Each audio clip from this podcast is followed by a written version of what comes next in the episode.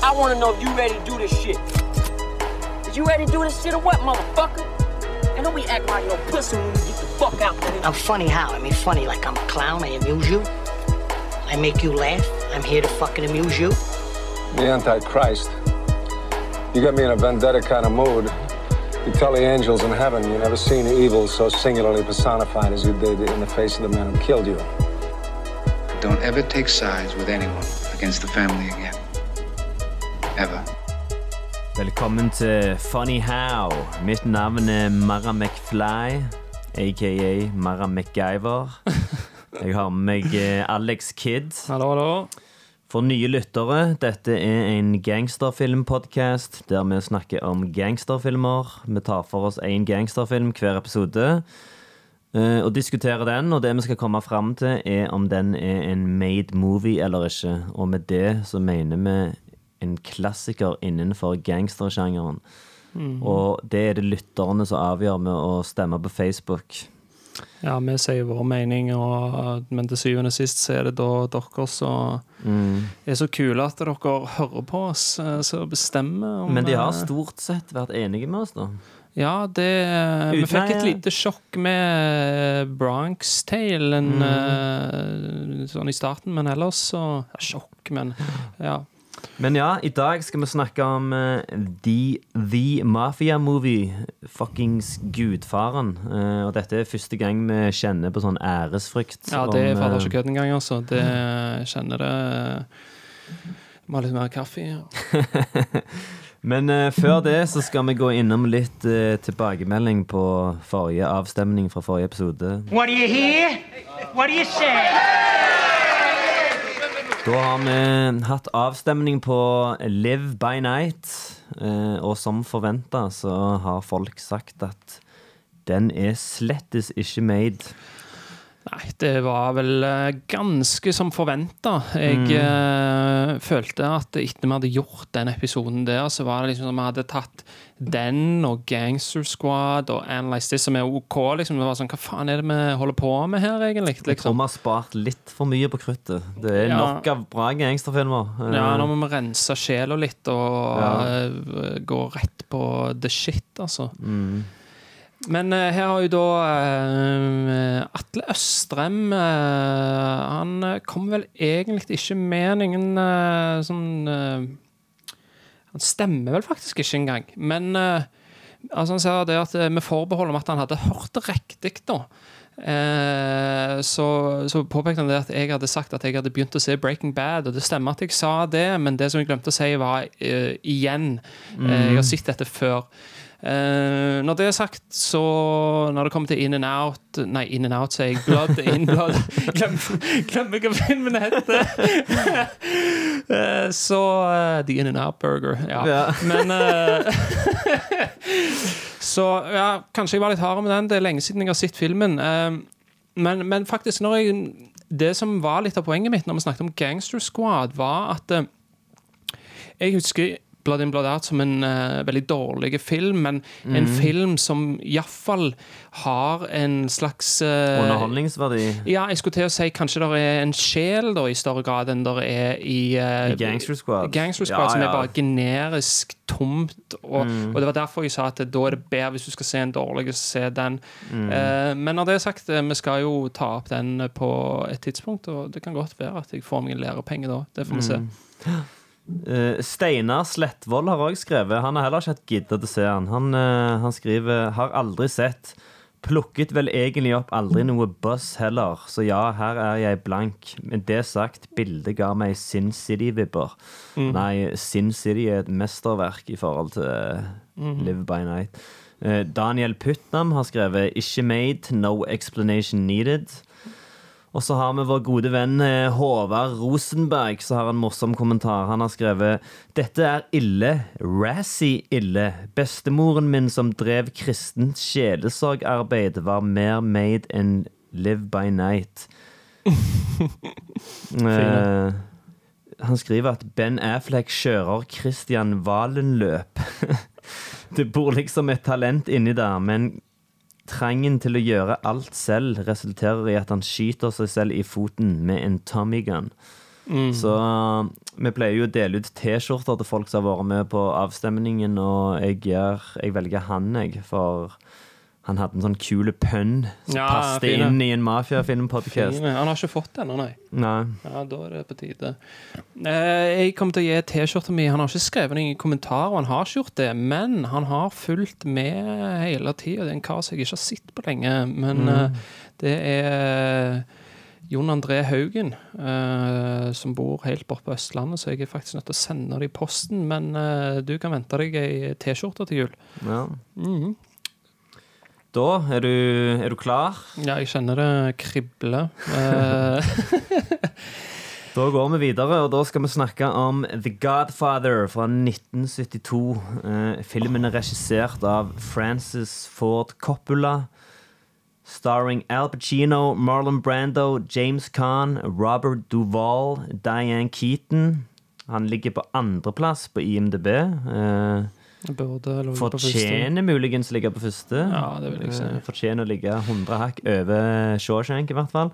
Ja. Filmen vant tre Oscar. Best Picture, Best Actor til Marlon Brando og Beste manus. Ja, og filmen er da Coppola som ville lage en litt sånn annerledes gangsterfilm enn det for, Før den filmen så tror jeg de fleste gangsterfilmer var sånn eh, Det var fra, det var fra utsida og inn. Ja, og, og så var det mye fart, spenning og vold, og så var det sånn at skurken alltid fikk så fortjent på slutten, for du skulle ikke heie på han, og så kom gudfaren, da, og det er liksom en film som får deg til å sympatisere med de, og Du går bak kulissene, egentlig, til Ja. gudfaren. Eh, det, det, dette var jo en film som var veldig vanskelig for Coppola å lage. Han, eh, Paramount, som produserte filmen, hadde null tiltro til han. Han hadde gjort eh, mye mindre filmer eh, tidligere. Jeg har faktisk jeg har ikke sett noen av de tidligere filmene til Coppola. Jeg har sett mye av det som har kommet etter Gudfaren.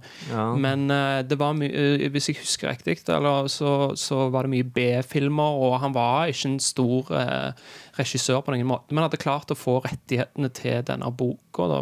Uh, og eh, det var ingen som stolte på han av produsenter. Han hadde, fotografen stolte ikke på altså Gordon Willis, uh, Prince of Darkness. Han stolte ikke på han i det hele tatt og prøvde å ta styring på det som skulle gjøres. Det var folk på settet som gikk rundt og snakket drit om han, og han gikk og gjemte seg på dassen og bare bada ut, liksom. Han tok en B-Rabbit. Ja, de ville ikke ha med De ville ikke ha med Marlon Brando fordi at han var for mye trøbbel med. Ja. Uh, de ville ikke ha med Al Pacino fordi de refererte til han som en dverg. Ikke for det de gjorde, men de refererte til han som en dverg. Så var det uh, Panic in Needle Park, da, som uh, Coppola viste Panic in Needle Park, som var den uh, eneste filmen han hadde spilt en hovedrolle i tidligere. Eh, og da klarte han å overbevise dem om å gi han en sjanse med den filmen. Ja. Ja, jeg har lest det at Paramount fikk helt panikk når de så første utkast av filmen. Og det var fordi hvor mørk han var. Og det er jo han du nevnte, han Gordon Willis, han som har jobbet med foto for filmen. Eh, han har jo fått kallenavnet Prince of Darkness av eh, det mørke Hvordan han har brukt lys og skygge i denne filmen her. Eh, og han har jo sagt sjøl at det, det mørke i filmen representerer sjelen til filmen, da. Ja. Det, det er godt sagt. Nå, nå er det jo sånn da at uh, vi driver en gangsterfilmpodkast her, liksom, og det er jo ikke akkurat noen sånn jævlig store hemmelighet at uh, vi syns dette er en made film, tenker jeg. Det kan jeg si straight off the bat, liksom. Altså, det blir helt Ja, ja, sånn ja. Det er ikke det Ikke vits å prøve å lage spenning ut av det. Med, Nei. Det er ikke det. Så det som vi tenkte vi skulle heller ta for oss i dag, det er å, å finne ut liksom Hvorfor er dette den mest ikoniske uh, mafiafilmen noensinne? For det mener jeg at det er ikke en diskusjon at det er den mest ikoniske. Um, nå kan en diskutere alt, selvfølgelig, men jeg mener det at uh, det er den mest ikoniske, og spørsmålet er er dette den absolutt beste. Men da er det bare til å slenge oss rett inn da på tidenes åpningsscene. I believe in America. Da har vi jo den scenen som etablerer med en gang eh, hvor mye makt eh, Vito Corleone har. Han er basically en gud. Ja, det er ikke kødd engang, altså. Det er, det, det er en av de tingene som eh, Når jeg satt og så det og har tatt notater og sånne ting, så er det det at du Den åpningsscenen den etablerer så sykt mye. Altså Hvis du kan si åpningsscenen og bryllupet i sammen, da. Ja. Men egentlig bare åpningsscenen. Den for det første etablerer hierarkiet fullstendig. Altså at, det, at Vito er en person som er egentlig over loven. Vi vet ikke helt ennå at han har politikere i lomma, og de tingene der kommer litt seinere, men eh, hierarkiet er soleklart. Og alle tingene, altså alle temaene som denne filmen går i dybden på seinere, de kommer opp i den scenen. Altså det er lojalitet, vennskap, moral, hevn, rettferdighet, familie. Det er de tingene som jeg har skrevet ned, som er sånn denne, Det er de der hovedtemaene i filmen, da. Eh, og uh, det som var litt løye, da, det var at egentlig så skulle filmen ikke starte med den scenen. OK. Nei, det er ikke en scene som er i boka. Uh, det som egentlig er den første scenen i manuset, det er når de skal ta familiefotoet. Ah, ja. Det er når de skal ta familiefotoet, og så er ikke Michael der. Ja. Og så sier Vito 'Where's Michael?' Og så uh, sier han OK, vi kan ikke ta det. da hvem sin, eh, hvem sin beslutning var det å skrive det om, da? Det, Det var jo- Coppola. Ja. Men det var Coppola som ble anbefalt av en uh, kompis, kollega, husker ikke navnet på den personen, men det var han, som- han sa at en tidligere film som eh, Coppola hadde skrevet, som heter Patton, Mm. så er det en sykt bra åpningsscene hvor eh, General Patton står foran amerikanske flagg. Ja. Sånn svært amerikansk flagg bak han, så står han og holder en tale. En veldig sånn eh, finurlig åpning. Veldig rar.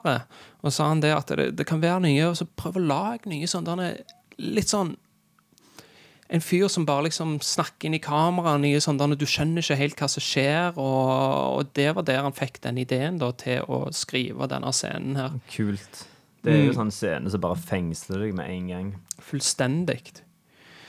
Uh, Ja, Vi snakket jo litt om han eh, Prince of Darkness, ikke for å gå for mye inn på han, da, men der òg ser du det med en gang i den åpningsscenen der. Den kontrasten fra det bryllupet der alle bare smiler og danser ute i sola, og så ser du inne på kontoret der.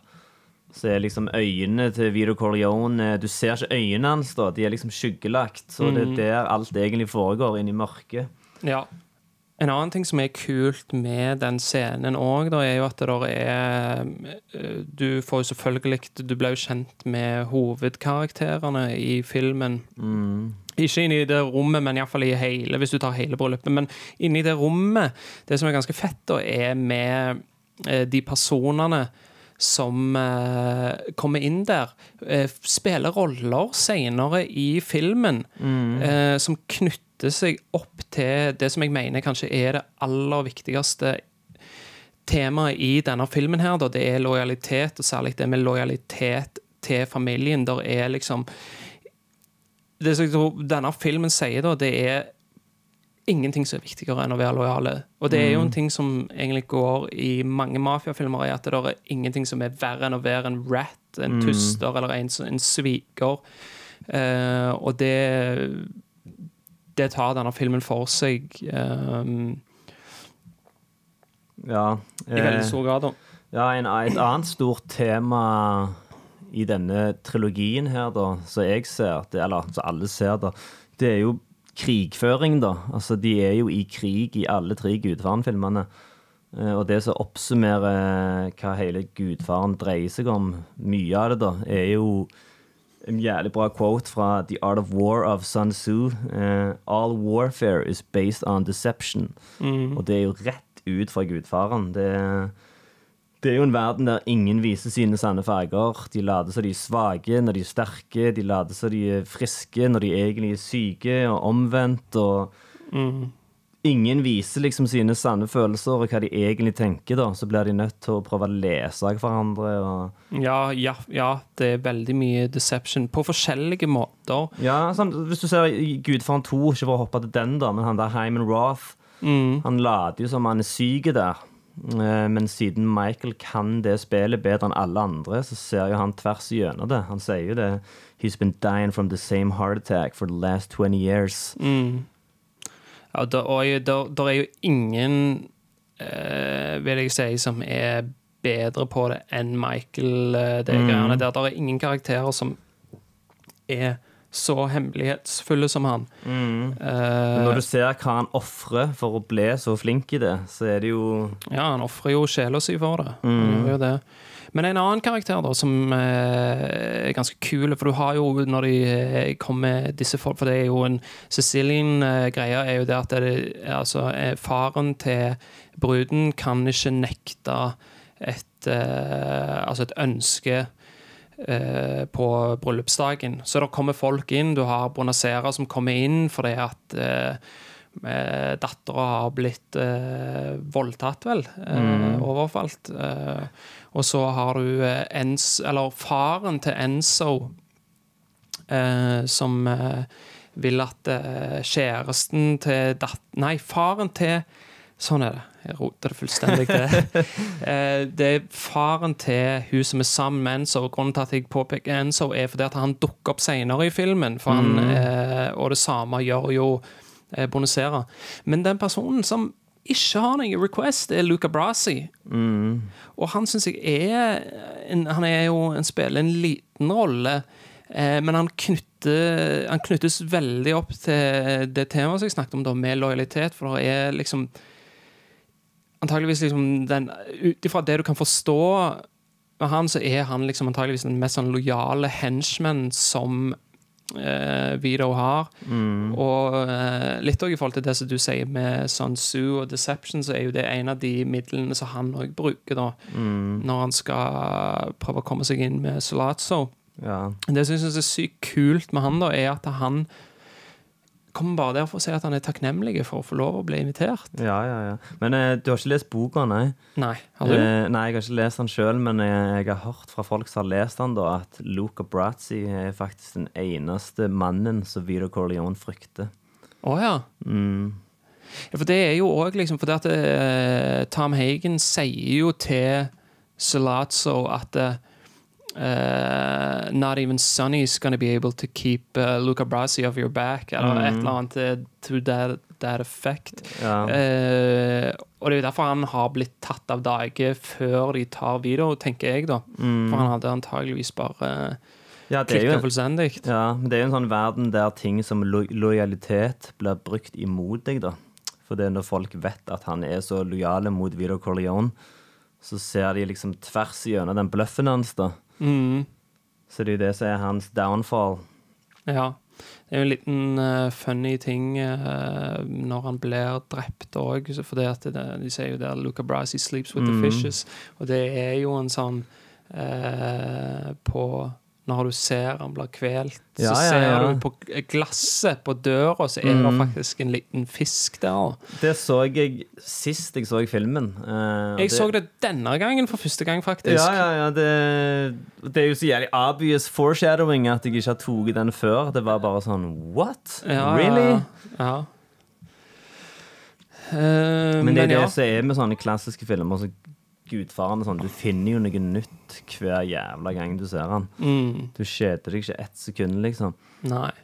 Og Det er en annen uh, fun fact med Luca Brasi, for du har jo uh, Michael og Kay. Eh, Kay spør jo Michael sånn, hvem er han fyren der, liksom, for det er Luca Brasi sitter ut forbi kontoret, og så sitter han og øver på det han skal si. Og det var faktisk han karen, Lenny Montana, han som spiller han, han eh, var så jævlig nervøs når han skulle gå og snakke med Marlon Brando, at han, han fucka det opp hele tida når han skulle Han si bare channeler det i filmen hans. Så. Ja, og så det som sånn, Coppola sa til han da Ok, bare sitt der borte og så øv på linjene dine, da. Og så filmer de det. Så det er egentlig han som sitter og øver på hva han skal si, i, eh, så men så har de tatt det opp, da. Og Marlon Brando, som eh, Paramount, de ville jo eh, egentlig ikke ha han med, fordi at han var en rølp. Han var kjent for å være et jævla stort walking problem, liksom. Du ser på det trynet at han staver trøbbel. Men ja. Ja, ja, ja. Og eh, det er jo løye, for han har jo liksom vært kjent som en rebell både på og av skjermen. Mm. Men han skrev faktisk eh, 'fuck you' i pannen sin når Luca Brasius eller Lenny Montana skulle stå og si de linjene bare for å fucke mer med han, da. Um, men han var jo Han var jo faktisk eh, Lenny Montana var jo en uh, enforcer for uh, Klumpe-familien. Ok.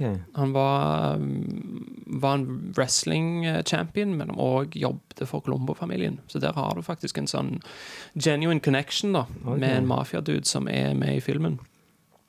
Rått. Mm. Uh, en annen fun fact med åpningsscenen uh, er jo at den der jævla katten som Vito Corleone har i fanget, Mhm. det er jo bare en sånn stray cat som vandrer rundt på settet. Så det det er jo dritkult at uh, den bare går og setter seg i fanget til Vito Corleone, eller til Marlon Brando. Ja, det har jo så ender det opp med å gi karakteren et så jævlig særpreg òg at uh, ja, han er en mafiaboss, men han er ikke en kaldblodig morder, liksom. Han har en uh, Vidar har jo et jævlig stort hjerte. mm, Og han Eh. følger en jævlig sånn bra æreskodeks òg. han, han er ikke en morder, liksom. Vito er det moralske kompasset i denne filmen, her, vil jeg si. Jeg, Og det som er òg, er at han eh, Michael, han er jo Han ble jo iskalde, og jeg tenker at han er Jeg tror at det ikke, Jeg tror ikke det at han ikke har et hjerte, men jeg tror at det, det, det blir for tøft for han å leve det livet. Vito han klarer det på en eller annen måte. Han klarer liksom å, å skille det. Du ser det i toen òg, liksom. At han uh, He doesn't fuck around, liksom. Han er ikke han er, i, I toen så er det jo en nesten en slags sånn Han, er, han er, blir en sånn Robin Hood-karakter for eh, Robin Hood in his hood, holdt jeg på å si. Men ja, jeg tror det Vito ble jo på en måte født inn i det, da. Altså, foreldrene ble drept, broren ble drept. Det er alt han noensinne har kjent. Det er den verden der. At uh, du må faen meg drepe eller bli drept. Eh, mens Michael, han har liksom blitt født i Amerika og Han er jo, han er jo egentlig en privilegert ja, unge. og så reiser han til krig og vil distansere seg fra familien. Og... Så det er vel gjerne det som gjør at han eh, ikke klarer å balansere det like godt. da. At, eh, Det er det som òg er liksom, eh, litt løye med denne bryllupsscenen, når du blir introdusert til Michael, så sier han jo til Kay at han er ikke interessert i å That's my fam. Han snakker om, det, Det- er jo Luca Brasi når han snakker om either his brains or his signature would be on the piece of paper, når de snakker om Johnny Fontaine. da. Eh, og det, det That's som my family, Kate. It's not me. Det er Ja, de kuleste quotesa i filmen, syns jeg. Ja. Uh, det som jeg syns uh, er litt sånn kult med den scenen, er at han Til tross for at han sier at han ikke Det er liksom familien min, det er ikke meg, så sitter han og forteller om dette, og det virker som om han er litt stolt av røttene sine likevel, Ja, liksom. ja. Og det er Det er egentlig en scene som har sånn background exposition, men det, fun det, det fungerer jævlig bra da når han uh, gjør det på den måten. For det at når han snakker om Luca Brasi, denne greia, så blir det en sånn story in a story, og du, du kan se for deg nesten den, hvordan den scenen har spilt ut. Jeg vil tippe at uh, Vito ikke var til stede når, uh, når Luca Brasi var der. Iallfall hvis Hvis du skal se hvordan det er i resten av filmen. Eh, for det han er jo uh, Han er jo uh, Han gjør jo ingenting galt i denne filmen, Nei. Vito. Nei, han er jo på toppen, holdt jeg på å si, så han har jo henchmen som tar seg av all den skitten for han. Mm. Jeg får gå litt tilbake til det, det, er en ting som kommer til å gå igjen jæklig mye i uh, denne her, da, og det er fordi jeg mener at det er eh, liksom hovedtema i filmen, dette med lojalitet. Og eh, en annen kule ting med bryllupsscenen, syns jeg er at det der blir gjort uh, en frampek om eh, de personene som ikke er til å stole på.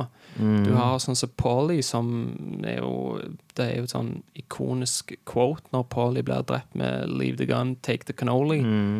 Og han, når han er i bryllupet, hvis du husker, så ser han bort på Kani, og hun som får alle Det er jo standard mafiabryllup hvor de får konvolutter med penger, ikke sant? Ja, ja, ja. Og så sier han oh, If this had been a different wedding, Maron liksom, han bare sånn, Og det er et lite frampekk om at, ja, hvor er det egentlig hans lojalitet ligger. Han er liksom, Det tyder på at det, jeg hadde gjort det hvis jeg ikke hadde liksom blitt tatt for det. Altså, det er liksom Grunnen til at han ikke gjør det, har ikke med lojalitet å gjøre, det har med frykt å gjøre. Mm. Eh, samme med, med han godeste Å, Herregud, nå datt jeg helt ut på navnet hans, men ja, Carlo. ja. Der, der sier jo Vito med en gang, liksom, for at Sonny spør han liksom, ok, skal, hvordan skal vi involvere han? Så sier han det give him a living, but don't ever discuss family business with him. Så det er tydelig at han, han stoler ikke på han. Og så har du den hoved eh, svikeren, da. Eh, Tessio. Ja. Første gang vi ser Tessio, så sitter han med en appelsin i hånda. Mm. Og appelsiner i denne filmen blir jo brukt eh, som Døden. ja, symboliserer døden. Det frampeker mord og død. At det er på vei. da, Så der òg ligger det et lite hint. Det er en ting som går igjen i når Mange, det er mange filmer og serier som har lånt det der. Altså. Sopranos Ja. tenker jo jeg på siste episoden av Sopranos, så står jo Tony og skreller en appelsin. Eh, Gjør han så- det? Ja, i midten av episoden, når de er i safehousen, så Det er jo det største hintet, der at han dauer, da. Ne, jeg føler det er en av de tingene som er bare sånn at Der har du egentlig svaret. Hvis du noen gang lurte, så Hvis sesong én òg, når de der eh, eh, Den første hiten på Tony Soprano Det er jo tre hits på han i den serien. mm. uh, og i den første så går han jo og kjøper appelsinjuice. Ganske lik scene Det er gudfaren-referanse. Mm. Men uh, når uh, Det er ikke noe appelsin inne i bildet når uh, Junior skyter han. Uh, nei, jeg har ikke sett noe, iallfall. Du vet aldri. Sånn Trykker på pause og appelsin-halspastiller. ja, ja, men du, du har iallfall den eh, Du har eh, denne bryllupsscenen da som etablerer alt utrolig godt. Mm. Det viser denne kontrasten mot det lyse som er på utsida, og mørket på innsida. Og så går vi liksom mer inn i at eh, vi blir kjent med hverdagen til de da. mm. Har du noe å si om det? Nei da. Nei, men uh... Nei, det, da dukker jo han her eh, opp og vil få Corleone-familien involvert i drug dealing. Eh, og det vil jo ikke Vito, da. Eh, så er det jo på den her første sit-downen med Solozzo du egentlig får se dynamikken i familien. og Altså, da får du se allerede da at Sonny er ganske sånn hot-headed idiot som ikke klarer å holde følelsene sine i sjakk. Eh, Ja, det, og det er jo òg et veldig bra sitat da, når uh, Vito sier det at uh, As you can see, I've uh, spoiled my children. Uh, they, they talk when they should listen. ja. Uh, for at han er sånn oh, they, They're gonna guarantee Og så stopper han liksom Så stopper bare videoen Og så uh, tar han over det da Og der òg får du jo egentlig liksom Litt sånn i forhold til dette med video Som et sånn moralsk kompass Altså dette med Å begynne å deale med heroin Ja. Men sier det er det er jo taktiske grunner òg, men det er, jeg får en viss følelse av at det er òg moralske ting der. For at det kommer opp senere i dette møtet med de fem familiene at Mm. han ene sier sånn I don't want in your schools, I don't want in your children. Ja, ja, Og så, det greiene der, da. Så jeg har en følelse av at det òg er litt inni i bildet. Han sier liksom det der at drug business is a dirty business, og at dette kommer til å bli downfall til mafiaen. Og, Mm. Og det, det, var det det. jo, det var det òg, ja. Det var det faktisk, når, når plutselig eh, Folk begynte å ratte på hverandre når de faca så jævlig store eh, sentences. Det var litt av en sentence. Nei. Eh, men eh, det var jo òg ja, Jeg hadde en liten fun fact der, da, før vi kom til den scenen som jeg må bare nevne. For det er en Eller fun fact, det var en ting som jeg plukket opp. For Ja. det er jo en sånn ikoniske scene er jo den der hestehovet i senga. Ja, det er jo en av de mest ikoniske scenene i filmen. Blitt referert til og periodert til det slitsomme Til ja. slitsomme, ja. Ja. En ting som er litt kult, da, som jeg la merke til eh, denne gangen, når jeg så han for første gang, det er at eh, han Waltz Mm. eh, Han er jo ganske løyen, for han er veldig sånn standard uh, sånn old school Hollywood-produsent. Jeg har sett noen intervjuer med de der gamle der de snakker Mm. Listen to me, you eh, Hva han sier han si til Jeg Tom tror han har sånn 20 racial slurs i den første setningen. Eh, Det er keik og dagos og Joap og Ja, ja, ja, så sier han til han sånn så, Tell your Guinea friends. Og så sier han ja, ja. Well, I'm actually German-Irish. Well, listen to me. Uh, listen to me, fucking you kraut." kraut, you kraut McFriend, my kraut McFriend. Ja, ja, ja. Kraut og Mick i én, liksom. Det, Der òg har du jo faktisk eh, i den uh, middagsscenen mellom de så dukker jo appelsinene opp. Der står et, uh, ei Ah. skål med appelsiner midt på bordet. Den, uh, det, det går igjen ganske mange ganger, akkurat det. da Mm. Men eh, det som jeg skulle fortelle, da, det var at uh, når de tracker inn der ja. uh, så står det faktisk en Oscar-statuett på nattbordet til Waltz. Ah. Og gudfaren vant Oscar for beste film. Ja. Så dette er faktisk den eneste Oscar-vinnende filmen som har en Oscar-statuett i seg. Kult. Jeg vet ikke det helt sikkert, men jeg bare sier det. For jeg regner med Ja, men hvis du kan motbevise det tror du, Jeg tror ikke det at det finnes en annen Oscar-vinnende film som har en Oscar-statuett i seg. Nei, jeg Det er litt spesielt. Mm. Det er et frampek Litt sånn, i virkeligheten. litt sånn Inception-greier. En Oscar within an Oscar. Ja, ja, ja. Men eh, vi var jo egentlig på dette med, med Solazzo, ja. Og Mm. det spinner jo en hel krig. Mm, Eh. da, da vil jo ikke han bli involvert i drug-gamet, og da prøver de jo å wacke Dan Vito Corleone mens Mm. han kjøper appelsiner. Nettopp. Eh, og da får du jo se Du har ikke fått sett så mye The Fredo før det, tror jeg, men da får du jo se med en gang da at han er jo fuckings Han ubrukelig. eh, drops the ball, eller Han drops the gun. pistolen, mister han setter seg ned og begynner å grine.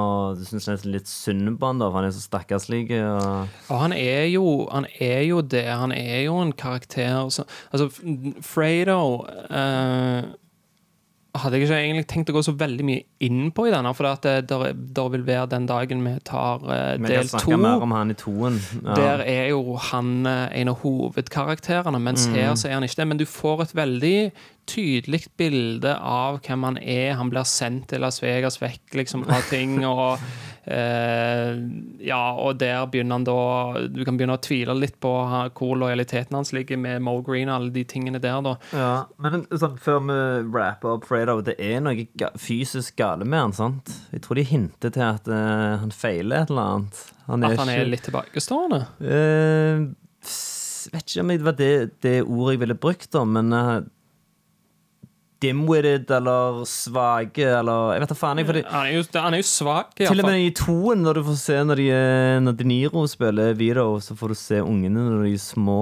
Så Mm. ligger Fredo og er syk og bare helt evneveik.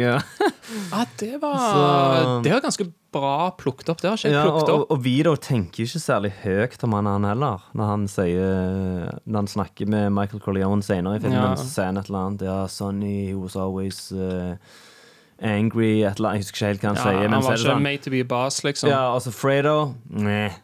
ja, ja, men Han sier det ikke så gale, men ja, men eh, han er nesten sånn Ja, Fredo, jeg trenger ikke si noe mer Ja, om han. sånn, Fredo, punktum. Ja. Ehm, men ja, når du snakker om alle disse Altså alle disse karakterene her, da, så tenkte jeg jo at vi skulle gå liksom litt Gå litt inn på de, da, og For det er jo liksom Selvfølgelig, det er jo disse karakterene her i filmen som er som er filmen, da. Og jeg tenker liksom, Hvis du skal sammenligne Vito, Michael, Sonny og Fredo, så satt jeg og tenkte på det, og det uh, En av de scenene som jeg føler du kan Bare se for deg de fire forskjellige karakterene i det møtet med de fem familiene hvor Vidaro er. Ja. Altså Det er et møte hvor Vidaro sier det at hevn kommer ikke til å få tilbake eh, sønnene våre. Mm. Hadde det vært Michael, no fucking way. Der er ingen som er mer hevngjerrige enn Michael. Hele grunnen til at han blir involvert i dette her, er for å ta hevn. ja. Men jeg, jeg tror nok ikke han hadde vist det. Han hadde ikke vist det i det hele tatt. Nei. Han hadde Det som er så jævla fascinerende med den karakteren, er at du aldri klarer å lese den. Nei. Og da er, vi, med, da er vi jo tilbake på det der med å holde det du egentlig tenker, skjult. Mm. Eh, Og hvis du sammenligner den med, med hot-headed eh, Sonny han, han var på den sit-downen. Han hadde jo faen trua alle og reist seg opp og kveltra bordet og gjort en eh, klovn ut av seg sjøl. Og Fredo han hadde bare latt seg kue. Fredo hadde ikke vært der. Han hadde bare sagt seg enig med, med alt som ble sagt. Fredo, ja, hvis han i det hele tatt hadde blitt invitert mm. uh, Han er jo i den der sit-downen med Salazzo, så er han der jo, men han uh, sier jo absolutt ingenting. Mm. Uh, hopper litt fram og tilbake her, men eh, må bare nevne det at eh, Salazzo, han fyren som spiller han, syns jeg spiller skambra. Mm. Han eh, sier ikke så utrolig mye, men jeg syns at han kommuniserer så sykt mye med øynene sine. Det er en ting som eh, Al Pacino òg gjør Ja. i, i denne filmen her. Men du kan se første gang Salazzo eh, treffer Vito, uten at han sier et ord. Så ser du at han har jævlig respekt for Vito. Og det samme i eh, restaurantscenen, når han sitter der med Michael, så ser du bare på ansiktet og øynene hans at han er full i frykt, da. Eh, så ja. Vi går tilbake til å, å sammenligne brødrene litt. Eh, en fin kontrast mellom Michael og Sonny som viser hvor jævlig stikk motsatt de er. Det er jo Sonny Corleone, eh, når de banker søstera, eh, så skal han liksom ta hevn, da. Eh, som sagt, da har jo han vist følelsene sine istedenfor å holde de skjult. Og da vet folk hvordan de skal få en reaksjon ut av han, da, så da blir det brukt mot han. Og når de banker søstera, så er det ikke sånn at han eh, ligger i skjul og, og planlegger. Nei, nei, han skal faen gå og ta han nå. Ja, ja, ja. Med en gang, jævla gang. Så Han kjører ikke, han han har jo ikke impulskontroll. Nei, så kjører han ut, og så blir han drept. Og hvis du sammenligner det med Michael, eh, som skal drepe Carlo igjen, da eh, Jeg sjekket dette på Wiki for å se hvordan det var i boka, og når han dreper Carlo, det er faktisk syv år etter Sonny sitt dødsfall. Så det, du får ikke inntrykk av det i filmen, at eh, han har faen meg eh, Han har holdt han i nærheten av seg i syv jævla år. Sittet på familieselskap og Past the Gravy og hele veien mens han har planlagt å drepe han. Og det viser jo bare hvor iskald og kalkulert han egentlig er. Ja. Så det er jo som Denzel sier til Ethan Hawke i Training Day. This shit is chess, not checkers. Ja, ja, det er sant. Ehm, men han er jo eh, Michael er jo, som har vært litt innpå, så er han jo Jeg syns at hans historie liksom er ikke Jeg har utrolig mye sympati for han da. Eh, han er ikke Jeg ser ikke på han som en, en eh, kaldblodig morder. Kanskje det er et av triksene til denne filmen òg, at du, du ser ikke på disse folkene som psykopater og mordere. Nei, for det, Grunnen til han blir dratt inn i det livet, det er jo noble intensjoner. Han skal jo redde faren, for faen. Så det er jo eh, Altså, han har vært i krig og kjempa for landet sitt, og så kommer han hjem, og så skal han bare la faren bli skutt, liksom. Hva Ja, jeg tror det er det, det, akkurat det som du nevner der med krig òg, tror jeg faktisk spiller en liten rolle. For det at han er Jeg tror når han stepper up to the plate, da, Ja. Så er det litt som en soldat òg. Han kommer der på sykehuset, og faren ligger der helt alene. eh, ringer Sonny med det samme, liksom, og han ligger her helt alene, og da er han nødt til å ta styring, og da sier han jo til han Da sier han til Vito som ligger der, 'I'm with you now', dad. og det er faktisk Det er når han Altså, jeg tenker det er ja, han er der selvfølgelig fysisk, men jeg tenker at det, det egentlig betyr at nå er jeg inni det, jeg har investert, jeg er med liksom i, i familien, da. Og du merker òg at han, han takler sånne For der dukker jo Enzo opp, som har blitt nevnt i uh, den første scenen av eh, det som jeg ikke klarte å forklare så jæklig godt, men det var da faren til dama til Enzo. For Ja. Enzo skulle jo bli sendt tilbake til Italia. Ja, ja, ja. Og så dukka han opp der da med Lurer på om han, har, for han, han er en pastry-sjef eller noe sånt, så der han jobber på en baker. Og så har han vel med seg det, det Jeg tar ikke helt igjennom det er blomster eller om det, men det er ikke så jæklig viktig, akkurat det. da Nei. Men han dukker opp der. Men det som er jæklig fint med den sekvensen der, da, er at du ser så syk sykt kontrasten sånn, ja. mellom han og Michael. At Michael er egentlig. Bygd for dette. Ja, ja, ja. Han tenker med en gang så Han vet at han skal stikke hånden inn der for å lure dem, sånn at de tror at han har en pistol. Enzo står der og skjelver når han tar opp den røyken, mens Michael er bare cool as a cucumber. Ja, ja, han er jo dekorert krigsveteran, så du får jo aldri vite hvor han har vært og kjempa, men han må jo ha vært in the shit, holdt jeg på å si, for å Han har vært i, i sånne situasjoner før, da, som du sier, at eh, han holder hodet kaldt. Og, Men det som er så jævla trist med skjebnen hans, da, det er jo at han eh, blir dratt inn i det livet for å beskytte familien, men så er det det som gjør at han mister sin egen familie.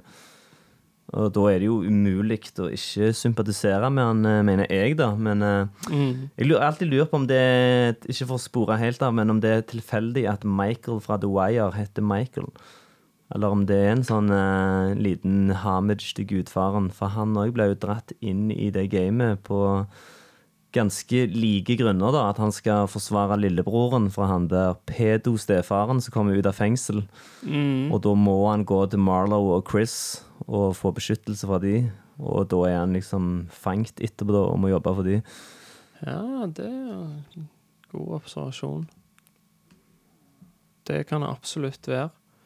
Uh, en annen ting som jeg syns er ganske kult, uh, er at eh, hvordan kostymene til Al Pacino forandrer seg etter hvert som han går dypere og dypere inn i mafialivet. Han starter med å gå i eh, Første gang vi treffer han, så har han jo militæruniformen på seg. Eh, Det er jo 1944. Eh, Det får vi jo vite, for det at det er, de sier det, det er jo det er jo jul når Vidar ligger på sykehuset, og de sier det er soon gonna be 1945. Så det er antageligvis sånn sommeren 44. Eh, krigen slutta for noen få måneder siden, så han har omtrent nettopp kommet hjem, da. Og så begynner han å gå i liksom brune klær. Eh, etter hvert så går han i en blanding av brunt og grått, og så er det mørkegrått. Og i eh, del to, da, hvor han er er iskald, så er det lysegrå dresser. Full Darth Vader. Ja, ja, ja. ja, ja. Det, det syns jeg er ganske kult at de gjør det. Det gjør de òg i Ikke at det har noe med Ja, de har, det Vi snakket om det tidligere, med lys òg har jo noe å si på det. At eh, øynene hans blir mer og mer dekt av skygge Ja, jo mer filmen går, holdt jeg på å si. ja det er sant. Det er sant. Første gang vi treffer han, så er han jo utendørs. Eh, og så går han mer og mer inn i skyggene, ja, som du sier. Ja, det er helt sant. Eh, Nå skal vi gå tilbake til vi, eh, Før vi snakket om karakterene, så var vi jo på hiten på Vito Corleone, og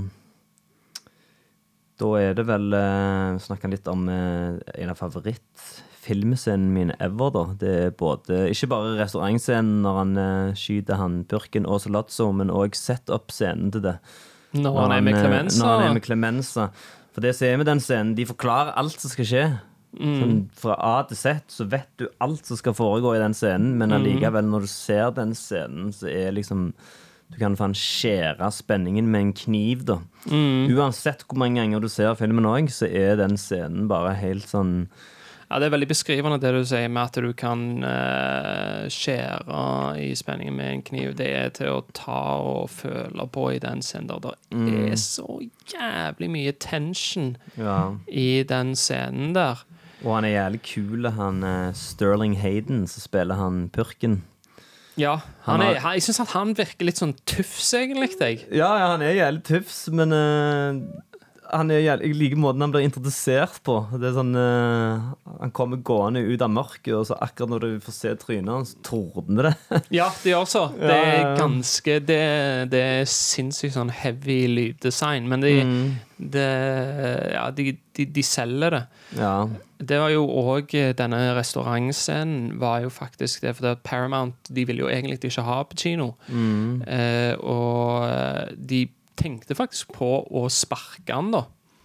Helt til de spilte inn restaurantscenen i andre uke av innspillinga. Når de Ja. så dailies fra den scenen, så var det det er Ah. Michael. Det var det som overbeviste de, faktisk. Ja. Og da var han liksom safe etter Mm. det, da. For de prøvde til og med å få eh, De gjorde testscreenings hvor eh, James Khan, som er Sonny, Ja. spiller den der rollen hvor um, Kay og Michael sitter og snakker sammen på, i bryllupet. Okay. Så sitter Diane Keaton Jeg har sett eh, liksom klipp av det, da, hvor Ja. uh, James Khan og uh, Diane Keaton sitter liksom og har den scenen. Og hun var etter det så var det sånn hva faen er det som skjer? Det er Al Pacino som skal spille denne rollen. Og James Khan var liksom Ja, jeg vet det, jeg har, jeg har ikke lyst til å spille liksom. Det. Selvfølgelig skal han gjøre det, liksom. Uff, Men, det hadde eh, vært en helt annen film. Eh, Jeg tror ikke den hadde vært Halvpartens halvparten så kul som han er engang. Jeg har Ja. også sett sånn audition der eh, De Niro prøvespiller som Sonny, da. Ja. Han, det- det, han spiller sykt bra, da. Det som er med det, det hadde jo vært fittekult, men da hadde vi Men da hadde vi jo eh, Da hadde vi jo ikke fått uh, unge Vito Corleone like så legendarisk. Så egentlig er det bra at han ikke var Sunny, for James Khan han gjør en uh, bra jobb, han òg. Ja, det, James spilt- Khan er jo liksom Han er jo sånn skuespiller som du egentlig bare kjenner som uh, Jeg har sett han i andre filmer, jeg har sett han i andre bra filmer, Will Ferrell-filmer og sånn uh... han har spilt i en veldig bra film som Michael Mann lagde på 80-tallet, som jeg har lyst til å snakke om her en eller annen gang, som heter Thief. Ja, okay. uh, men utenom den, så Han er Sonny Corleone, da. Mm. Eh, Ja, nå så- har han jo blitt det, altså. Ja, så, så det blir liksom Når du ser den, uh, den audition-tapen med uh, Med De De Niro. Niro, Ja, som minte litt om Johnny Boy fra Mean Street, ja syns jeg. faktisk. Ja. Ja. Så, så er jo det skamfett. Mm. Uh, Johnny Boy er kanskje eh, Kanskje det eneste kule med Mean Streets. ja. Men drit i det. Men, eh, men det, blir, det som er poenget mitt, det er at det er veldig vanskelig å se for seg noe annet enn James Khan. For det at han er Sonny Corleone, det er liksom det eneste du forbinder han med.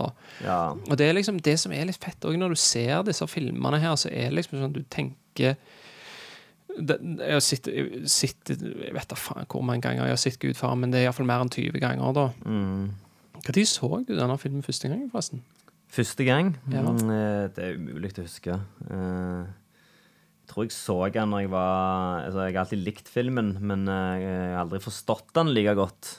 Sånn når jeg gikk på barneskolen og sånn, så var det jo liksom vold og Pulp Fiction og, og sånn. Til og med da var han jo kul, bare på sånn rent nivå, så det òg. Ja. Så det er, Jeg kan ikke huske første gang jeg så han, men alt jeg vet, er at det er sånn, du setter mer og mer pris på han jo eldre du blir, da. For du ser nye ting og Jeg var litt eldre når jeg så den. Jeg husker det, for jeg var jæklig filminteressert allerede på barneskolen og var liksom jævlig inne i mm. Tarantino og Cohen-brødrene og alt sånt. Ja. Men jeg hadde ikke sett uh, Gudfaren, da. Ja.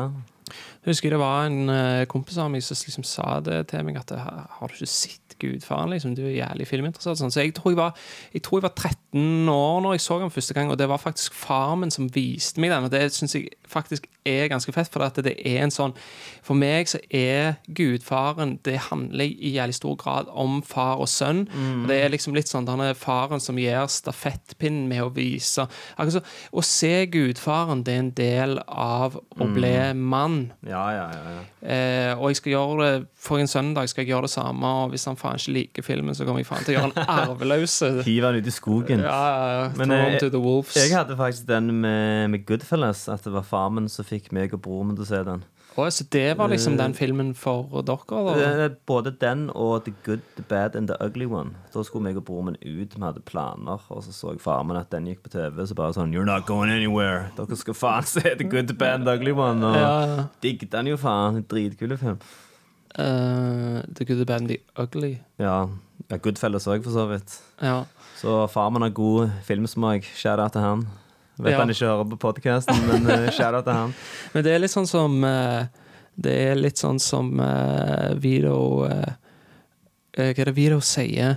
A man who doesn't spend time with his family can never, be, a real man. Ja. A man who, og jeg sier at a man who doesn't love the Godfather can never be a real man. Altså dette her, Det er noe med det. altså. Det er, Det er sånn film så Jeg vet at Family Guy har en sånn joke om det. At uh, han holder på å dø, han der Peter Griffin. Og så skal alle innrømme sånn siste ting før de dør, da. Og så innrømmer han at uh, I never got the Godfather. What's the big deal? Så det er en sånn Jeg Og jeg vet at bro, min, han var faktisk enig Han likte Når han så Family Guy, da, så lo han godt av det, da, for han har liksom aldri tatt gudfaren. Og så har jeg et par kompiser så jeg vet at de har hatt Gudfaren-plakat på rommet, men de har aldri sett den.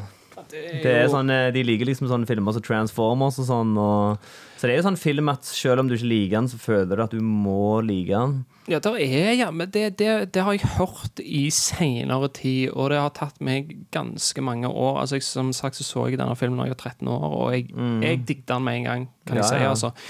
Det, men det er en film som der er jæklig mye mat i, og du eh, kan se igjen og igjen og igjen, eh, blant annet dette med Michael som er så hemmelighetsfull. Du har lyst til å komme Hvordan, hvordan, under huden på hvordan kan du ikke sette pris på Om du ikke liker historien, men prestasjonene til fuckings eh, Marlon Brando og Al Pacino er jo helt mesmerizing, for mangel på norsk ord. Ja, ja, ja. Det er jo helt amazing å se på. Jeg vet ikke om dette gir noen som helst mening, men, men det blir litt sånn når folk disser den filmen, Ja. så blir det og Det løy jeg over, jeg vet ikke hva parallellen er. det- Den heter Gudfaren, da. Mm. Og det er akkurat som hvis eh, kristne folk Ja. Hvis liksom folk disser liksom religionen deres og på en måte spytter på den, da, så blir de fornærma. Ja. Og det, for oss som ikke er kristne, så blir liksom Gudfaren den, Ja, Det blir. Bibelen, føler jeg, da. Eh, så det Når folk disser den, så kjenner jeg at jeg blir litt fornærma, på en måte. Jeg har det med ingen andre filmer òg, men Mm. Ja. eh, det er en av de, altså. Gudfaren 1 og 2, da. Det er liksom Gamle og Nye testamentet. Mm. Men eh, vi var liksom cirka eh, Kom til Cecilia, eller? Vi, Ja, har du mer å si om restaurantscenen?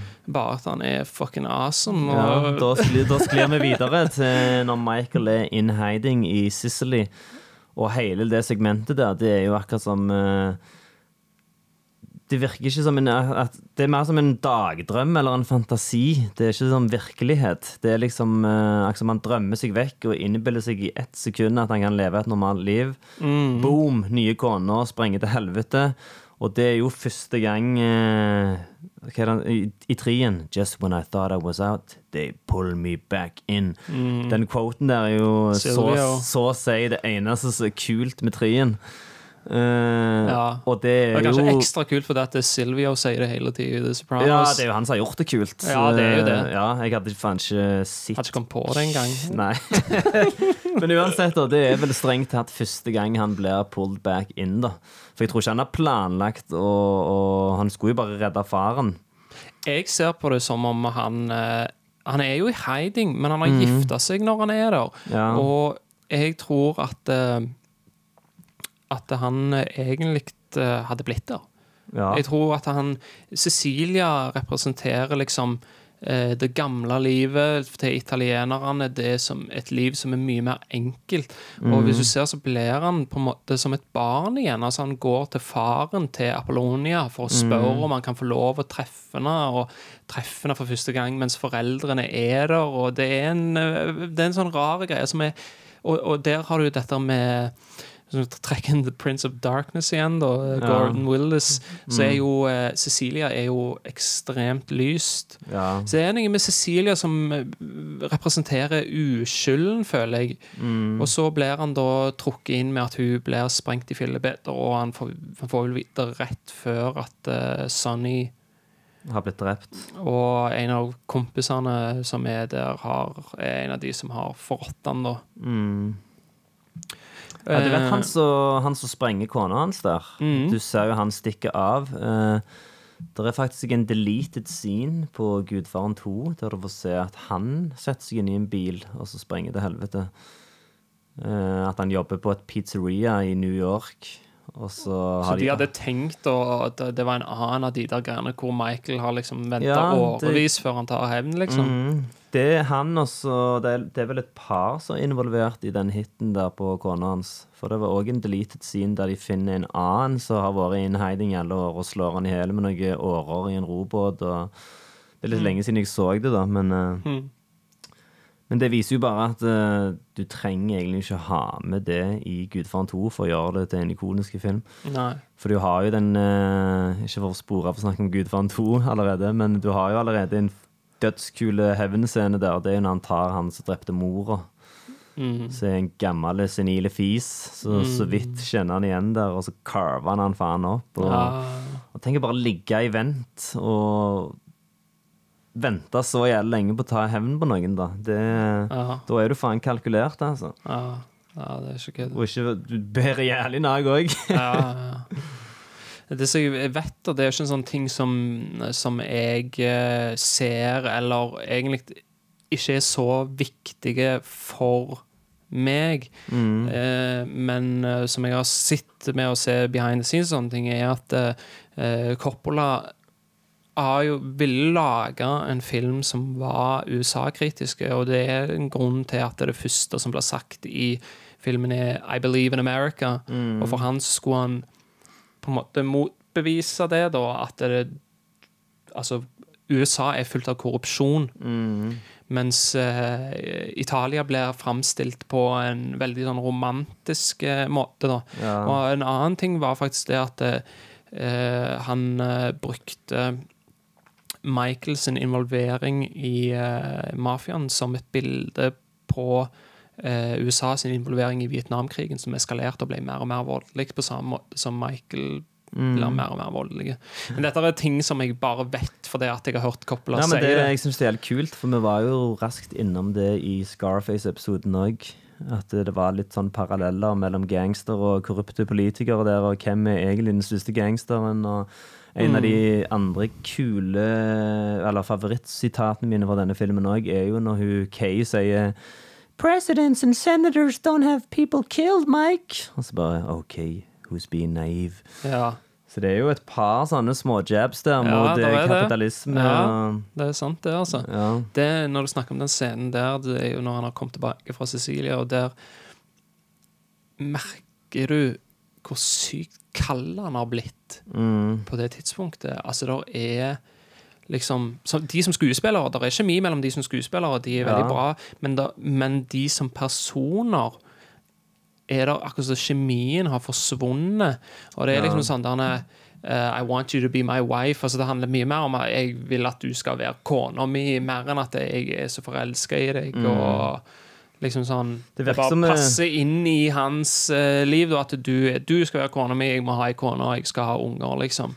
ja. Det virker som det allerede er noe som er vekke der. Uh, så gjerne døde med hun kona nede i, i Italia. Mm. For jeg tror han hadde klart seg mye bedre òg, hadde han fått vært med hun. Mm. For hun er liksom fra the old country, så jeg tror ikke hun hadde blandet seg noe særlig inn i businessen hans og latt han uh, godtatt at Sånn er det bare. Sånn som kona til Vida òg. Hun er jo sånn caring wife som ikke bryr seg om family businessen. Ja, det er Mens kun Kay har jo den der amerikanske moralen, og når hun konstant uh, Skal ikke skylde Michael Corleone sitt downfall på at kona neger han, da, men uh, jeg tror ikke jeg hadde hjulpet på. Hun er jo òg liksom den eneste sånn Ja, du har jo Connie, Connie som er litt inni der, men det er jo egentlig kun Kay som er, har en tilstedeværelse av, av damer i filmen. Ja, og- hvem, er, hvem faen er kona til Sonny og Freda og Tom Mm. Hagen? De er der jo i familiebildet, men eh, de har jo ikke ei eneste linje i hele filmen. Ja, jeg har fått litt mer sånn sympati for Kay opp gjennom, opp gjennom året, jo mer voksen jeg har blitt. da. For før var det sånn eh, du så på henne liksom på samme måte som du ser Skyler Wright når du ser Breaking Bad. Da, at hun er bare sånn Nei, eh, jeg, synes jeg, ville, jeg ville ikke tråkke det så langt, altså. Nei, ok, Gjerne ikke så gal, da, men eh, når du ser filmen nå, da, så du ser jo hvor hun kommer fra òg. Hun er jo ute av det livet. Det er jo, som du sier, han som kommer der og bare Vær kona mi. Så, så lover han faktisk at han skal trekke seg ut av det òg. Ja. Ja, han gjør også. Uh, men ja, da, på dette tidspunktet så er han jo da eh, Har han jo dypdykt inn i det og er mm, Vi Han har jo nevnt det at Sonny blir jo drept, det har vi jo allerede vært innom. Og Michael, Michael er, blir acting boss, da, fordi at Vito er ikke Er ikke sterke nok til å gjøre det. Ja. Da har du jo denne fantastiske scenen, syns jeg, da, når han reiser til Las Vegas. Og Mo Green. Mo Green. Vet du hva? Det, jeg syns det er så fett at den karen der har én scene i den filmen, og klarer å gjøre det han gjør med den scenen. Han bare stormer inn døra der, liksom. Og, Ja, for han er en av få i hele filmen som virkelig står opp mot Mike, da, og gir han tilbakesnakk og Ja. Eh, så han, han gjør en utrolig minneverdig karakter, og du får se der òg så sykt godt hvordan Michael er i forhandlinger. Han er iskald, liksom. Eh, Mo Green sa What, you, you think I'm skimming up the top, Mike? So, You're unlucky. That's it, liksom. Og maybe the Corleone family can do better. Og bare, bare, bare sånne småting. Bare sånn hvordan Pacino fyrer opp røyken i den scenen, kaster lighteren til den ene hånden til den andre. Det høres jo jævlig rart ut når jeg bare sitter og sier det, men, men det er så jævlig fett. Ja, ja det, jeg vet hva du Det mener. Bare, bare, ja. Han koker liksom av sinne. Han er fuckings rasende, men så er han helt kald og rolig. Mm. Uh, den scenen når han eh, Når han konfronterer Carlo òg om at han var involvert i mordet på Sunny, Mm. og så sitter han der og bare han er liksom fly fuckings forbanna, men han snakker til deg helt kaldt og rolig. Og det er jo mye skumlere enn en fyr som skriker og kjefter og Mm. Det er liksom Don't insult my intelligence. It makes me very angry. Ja. Da vet du det, fuck, today liksom, I settle eh, all family ja, ja, ja. business. Ja, det er jo en rå scene. Eh, men uh, ja, Mo Green var jo uh, han karen som jeg deler navn med, faktisk. Alex Rocco. Ja, kult. Uh, var faktisk connected med Whitey Bulger, av alle folk. Ok, ja, Så han han var- var, genuin mobster, altså? Ja, ja, ja. Han var har sånn han- tryne, han òg. Ja, han var i, holdt til i Boston. Eh, ble faktisk eh, sikta for deltakelsen i et mord. Han hadde vært en eh, getaway-sjåfør i et mord. Eh, men eh, ble ikke dømt for det, da. Og så eh, dro han fra Boston til uh, Det er et sånt sitat der han sier det I flipped a coin whether to go to Florida or California and went to California. Så han dro til California, hadde egentlig ingen ambisjoner liksom, om at skulle bli skuespiller, men så datt han bare inn i det, da. Kult. Han er jo òg en karakter som har liksom blitt ja, eller kanskje iallfall for oss som er Sopranos-fans, så er han gjerne blitt enda mer sementert, for det at der blir når, eh, Når når Brandon blir eh, skutt eh, i sesong én, kompisen til Chris i sesong én, så kaller de jo det en Mo Green special når han blir skutt i øya. Ja. Det har jeg lurt litt på om det er fra Om det er fra virkeligheten, da. Om mobstere faktisk bruker det uttrykket. Ja. Eh, Så det må Det vi, kan det, det Det må vi researche til neste episode. Ja. Det, sies jo at Fordi at mafiaen var jo veldig negative til at Gudfaren skulle bli lagt, i utgangspunktet. Eh, Og det er liksom historier om mafiaer som har vært på settet under innspilling, og mye av det som er myte, hva som er sant, det vet ikke jeg, men, men iallfall så, så har filmen rykte på seg for at den har òg uh, influensa faktisk, og at de har plukket opp en del av de tingene som er i filmen, og adoptert de inn Ja, til måten de, de- driver på. Det har de nok siden eh, 20-tallet, 30-tallet gangsterfilmer begynte å gå på lerretet. Mm. Så det, det blir sånn høne og egget. Hva kom først? Ja. Art imitates life. Det er nok mange mapstere som har basert hele jævla væremåten sin på James Cagney og De Niro. Og. Dette snakket vi litt om i Bronx Tale òg, med at han ligner så jævlig på De Niro, han der han eh, Si. Ja. Ja, ja, ja, stemmer. Han, eh, han var jo sånn, han drev og imiterte han, ja. Stemmer Ja. det. Ja.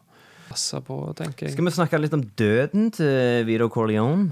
Eh, Ja. Han spiser appelsin rett før han. Han har, han, nei, han har et appelsinskall inni munnen når Ja. han springer etter, etter Det òg har blitt eh, gjort parodi av så mange ganger at akkurat uh, Det var en gang jeg så Gudfaren og fikk helt sjokk når det kom. Jeg bare, what the fuck? Jeg har alltid trodd at dette var en parodi av Gudfaren, men det er faktisk i Gudfaren. Ja, ja, ja. Jeg tror det er pga. den der mafiafilmen med Lloyd Bridges at jeg uh, trodde det var der, gjerne. Jeg vet ikke. ja. Eh, det er jo en ting som jeg har tenkt på der. For at jeg, jeg mener han, han dør vel av et hjerteinfarkt der.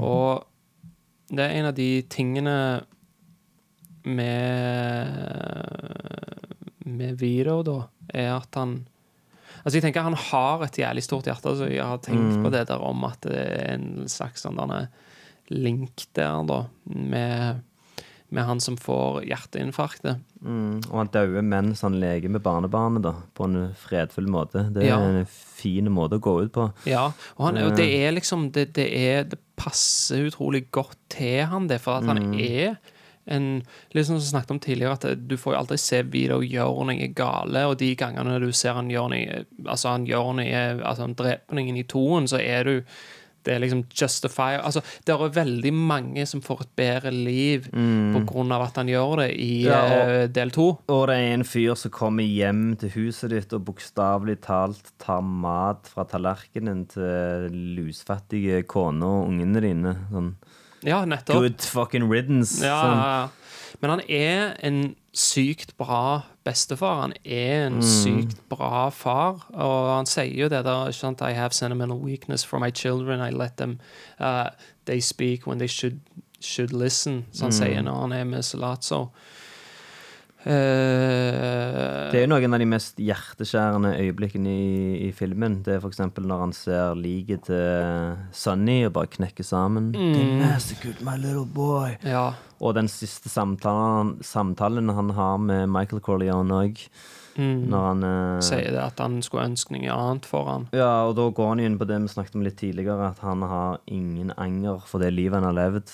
Han har liksom bare Nei. godtatt det, for det, han ble jo faen født i det, men han ville noe annet for ungene sine. Mm. Og det er jo sånn, sånn I toen så får du liksom inntrykk av at de, alle er jævlig skuffa av Mike, da, at han er en slags sviker, for han skal inn i militæret. Men eh, da viser det seg jo at han har liksom vært stolt av han hele veien, da, for at han eh, Ja. klarte å rive seg vekk fra det. Men eh, så gjorde han jo ikke det likevel, så det er det som er så tragisk. Another paisan, er det det han sier? Hva er det, hva betyr det egentlig? Det har jeg alltid lurt på. Paisan. Ja. Paisan, det betyr eh, altså det Sånn fel, mobster. fel, Nei, fellow countryman, det betyr en italiener. Ah. Ja. Ehm, men ja, nei, du får liksom Du får aldri Han gjør aldri noen ting som er brutalt, og han er liksom uh, I denne åpningsscenen som vi har snakket om, så tar han opp alle disse tingene med liksom vennskap, lojalitet og alle de tingene som er viktige for han. Han sier jo det You don't ask for friendship. You don't come with respect. You don't even have the decency to call me Godfather. Or you, you don't even think to call me Godfather. Han er liksom opptatt av de samme tingene som vi er opptatt av, da. Mm. Så han er egentlig Gud. Nei da. Men, uh, Men han er jo altså, Han er vel den mest sympatiske mafiabossen du har sett på film? Er det uten å tenke noe særlig over det? Ja, og, og eh, det tror jeg er en jævlig fordel, for jeg tror at han er antageligvis den beste mafiabossen. Han er den som takler det. Han lever et helt liv ut med det, ja. og fikser det. Uh, en annen ting òg som jeg uh, Han vil jo noe annet for Michael, men den andre tingen òg som viser noe av hans godhet, syns jeg, er det at han har tatt inn Tom Hagen som en sånn eh, hjemløse unge. Mm. Eh, får vi jo aldri se, for det havner en plass mellom eh, enen og toen. Men, Ja. men det òg viser jo veldig mye av hans karakter, da. Mm. Han er med i eh, familiefoto og er liksom et, et fullverdig eh, medlem av familien, da. Til tross for at Sonny er litt sånn der han Mm. eh, minner han på det av og til at han kanskje ikke er det, men men ja, skal vi hoppe videre Ja. og snakke om når eh, Michael blir en gudfar i begge betydninger av ordet? Ja, 'Baptism of Fire'. Når han bare cleaner house og whacker alle. Today eh, I i, settle all family business. I et mordmontasje som har inspirert krim-mafiasjangeren til de grader. Jeg føler hver gang jeg ser en sånn film og de har et sånn montasje at nå skal en haug med folk bli drept. Så føler jeg eh, det er så jævlig inspirert av denne scenen her, og det er det jo muligens òg. Der er, der er mange filmer som har uh, Boardwalk hadde det liksom hver eneste sesongfinale, og Mm. uh, Breaking Bad har en jævlig kul vri på det. det altså Du har jo Michael Corleone som går i den barnedåpen mens alle konkurrentene hans blir drept. Og så har du eh, i Breaking Bad i sesong fem så ser du han går rundt i stua med dattera og synger sånn lullaby til babyen sin mens han får alle disse vitnene i fengsel drept. Ja, mm, stemmer. Det er jo òg liksom Det er en scene som får fram det som du snakket om med Deception, da. Eh, for her har du jo han som står der eh, Det er så jævlig heftig. Er Sånn, Do you announce the devil? Ja. Yes. Ikke sant? Det, er fasaden og det, det som skjer bak kulissene der, hvordan de setter det opp mot hverandre. Og strukturen i det er jo Det er jo liksom hvordan de juxtaposer de tingene som gjør det så sykt effektivt, da. Eh, og jeg tror at eh, Jeg tror at Coppola har bygd videre på det i Gudfaren 2, egentlig, hvor du har den tragiske historien om Michael i den ene, og så har du den delen med Vito som kommer seg opp, så det er en sånn rise and fall-greier som skjer samtidig. Ja, for toen hadde vært jævlig dark uten den uh... Det hadde vært megatragisk. Hadde Altså, det hadde vært enda... totalt mørkt hvis ikke du hadde hatt uh, Vito som uh, du må, Vito sin greie, det er liksom eventyret, føler jeg. Da var inne på det med Robin Hood, men det der er noe med det som bare er sånn Du, du trenger å gå via den, liksom, i Ja. Gudfaren 2. Nei, men uh, du har jo denne scenen da, som du snakket om, uh, når han er med Carlo etter, etter det, jeg, jeg kommer ikke over hvor kult det er at han har venta syv år. Det er jo den uh, i toen når han sier 'keep your friends close, but keep your enemies closer'. Du, du, det er faen Det òg er jo tatt rett ut av Sun Tzu. Mm. Ja, Det er faktisk eh, eh, Pacino har sjøl sagt at det, når han så Gudfaren Mm. Den scenen der, og når Carlo blir drept og han står og sparker gjennom ruta og knuser ruta, mens Michael bare går nedover der. Ja, Altså, ja, ja. Det er Michael. Mm. Når jeg så det, da er det sånn Det er den som er Michael, som bare valser nedover der mens eh, Mens eh, svigerbroren blir brutalt morda. Mm. Men har du egentlig sånn rent sånn kronologisk, så er vi egentlig på sluttscenen, altså. Uh, ja, han uh, lukker døra i trynet på Kate. Fy faen, for en Det killerslutt. Mm -hmm. uh, og den, det er jo De har en liten foreshadow til den tidlig i filmen. Ja, i telefonboksen. Ja, når eh, Vito har blitt uh, skutt, og så kommer Michael og Kay ut av kinoen, og så går de forbi en sånn newsstand, og så ser hun, ser på i avisa da at han har blitt skutt. Gode gamle dager, du måtte lese i avisa at foreldrene dine hadde blitt skutt. Ja, det var ikke telefon. Ja, men da, da stormer jo han over gata, og så inn i en telefonkiosk, og så bare smeller han igjen døra mens hun står utenfor i, i kulden der. Jeg har tenkt på det, jeg òg, faktisk. Og det er For at det er ikke det er ikke, det er ikke logisk at han skal lukke døra der. Nei. Ja, det er det er helt sånn at han stenger der ute. Mm, og det er første av mange ganger, for det er med i hver film, det. Uh, Mm. I einen så er det jo litt sånn eh, Da er det ikke fullt så gale. Da er det mer sånn at han prioriterer businessen fremfor hun, og hun har ingenting med det å gjøre. Men i toen, når han eh, tar ungene og slemmer døra igjen foran trynet på henne, det ja, det det. da er sjela hans liksom beyond saving.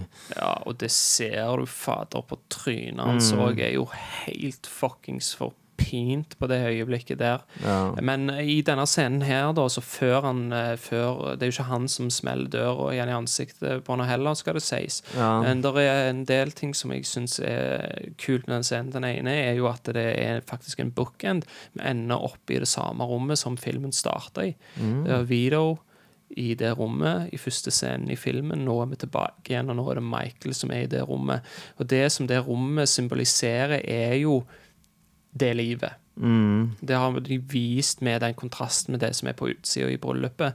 Og det er det at Michael er i det rommet. Der kan ikke Kay være. Hun kan ikke være en del av det. Hvis hun prøver, hun kommer inn, og så spør hun om eh, liksom, er det sant at du drepte Carlo, for det Ka- Kani kommer jo stormende inn og 'That's your husband! That's your husband!' Uh, you waited till uh, uh, dad was dead before you did it, og så videre, ikke sant? Og så sier han, don't ask me about my business, Kay. Mm. så, don't ask me about my business. Og så kommer han til det, ok, this once, I'll let you ask me about my affairs. Spør hun, ser han at dead faen i øynene, Mm. er det du som gjorde det? Nei. Mm. Og da vet du at uh, hun når ikke inn lenger. Nei. Og rett etter det så blir hun Så får hun døra i, ja, i ansiktet. Ikke i ansiktet, men eh, ja. Mm. Perfekt Så det er en utrolig bra slutt, altså. Eh, hva, synes du, hvordan syns du den sluttscenen måler seg med den på toen, når han bare sitter helt alene og har mista alle? Altså, det som jeg må si, da, med Jeg kan ikke liksom si at uh, Gudfaren 1 er bedre enn Gudfaren 2. Altså, jeg, Nei, jeg, Gudfaren sammen. 1 og 2 er en historie, sånn som jeg ser det. Mm. Sånn at uh, slutten på toen, det er slutten på fortellingen, og det er den beste slutten. Han er da mutters fuckings alene, og det er derfor du ikke trenger trien heller. Ja, eh, jeg pleide jo å justifye at trien eksisterte med nettopp det at om ikke annet så får du se hvordan sagaen om Michael Corleone ender, og hvor tragisk den ender. At han mister alt. Eh, men så var det jo faktisk du som påpekte det, da. Vi har jo snakket om denne filmen 100 ganger før podcasten. Og da sa du det, at men det er jo faen sånn toen slutter. Mm. Og så tenker du ah, Da er det jo egentlig ikke vits. Altså, du får se dattera til Pacino dø i trien. Ja, det er faktisk eh, det er en Det er god jo scene. fucking Det- ja, heartbreaking det- det- det er det. eh. Det er silent. Så jeg vil nesten si at filmen fortsatt fortjener å eksistere bare på grunn av at du får se det. Nei. Men den der, sl Men den der slutten når, eh, når en over, oversminka gammel Pacino sitter der og dauer og Nei, Jeg gleder meg til å ha en episode om trien. Jeg. Det blir Ja. sånn What the fuck went wrong-episode. Ja, ikke så mye, så jeg gleder meg til å ta toen. Oh, Men OK. Men, Men ok, eh, nå- det, det er jo Nei, det, det var du som skulle snakke om. Ja, eh, det har jo seg sånn at eh, dette er jo en film som er stappfull av lessons, Mm. lærepenger, og vi har jo gjort narr av det på et par andre filmer vi har snakket om, for de har vært så jævlig sånn Fordi de ikke gjør det sånn som De har bare kjørt ned i halsen på deg med, med skje, liksom, og her er det litt mer sånn uh, visdom uh, i det, da. Ja, ja. Uh, så vi Det er har, jo, det er jo Ja. vi har jo blitt enige om å komme med topp fem life lessons fra denne filmen her. Og da har jeg skrevet ned fem, og du har skrevet ned fem. Ja, sånn, som jeg, sånn som jeg, ble enige nå om vi skulle gjøre det. Jeg skulle Du ta mine dine. fem. Ja, for jeg, Jeg jeg, begynner på nummer fem, da. Og så beveger jeg meg oppover. jeg har ikke nummerert de, jeg har bare skrevet fem. Men OK, bare Hvis du leser dine fem, så skal jeg eh, si hva for noen jeg har. Og så ser vi hvor mange vi har til felles. Ja. Ja. Eh, det som er bare som en liten intro på denne greia her, det er en helt annen film, men den eh, og du kan si hva du vil om filmen, uh, som da er You've Got Mail med Tom Hanks. Uh, jeg syns den er helt OK, mm. men det er én ting som blir sagt i den filmen som er sykt bra. For at Tom Hanks uh, snakker med Meg Ryan over mail, og så refererer han uh, gudfaren og sier you, you must go to the mattresses. Og så sier liksom What's with men in The Godfather? Og så sier han det at the, the Godfather is the sum of all wisdom. It's the answer to every question. Uh, what do I pack for my holiday? Leave the gun, take the cannoli. What day is it today? Monday, Tuesday, Thursday. Så det, det er liksom, jeg syns at den er sykt bra, da, og det er veldig mye sant i det. Så når det er sagt eh, Så min eh, nummer fem er A man who doesn't spend time with his family can never be a real man. Den har jeg. Du har den. Det er en fuckings plikt å stille opp for familien din. Altså det, og når, jeg snak, når vi snakker om disse tingene her, da mener jeg at det, dette er ting som jeg har lært av gudfaren, og som jeg prøver å leve etter på samme Vi var innom dette med hvordan Bibelen for kristne og gudfaren for oss som ikke er det. Dette er the five commandments of gudfaren, ifølge meg. da. Ja. Eh, nummer fire. It don't make any difference to me what a man does for a living. Mm, den hadde jeg ikke. Nei. Det går liksom det, Da tenker jeg at dette her handler da om eh, det som da faen kreler av, føler jeg, er moralister som er ute og peker med fingrene sine. I dag, ja. ja. Ja. Ja, du gjør sånn og sånn, og det fordømmer jeg, og jeg syns at det er helt forferdelig. Altså, Vito sier bare rett ut at Mm, jeg har ikke noe med det å gjøre. ja. Never tell anyone outside the family what you're thinking. Den hadde jeg. Du hadde den, ja. Mm.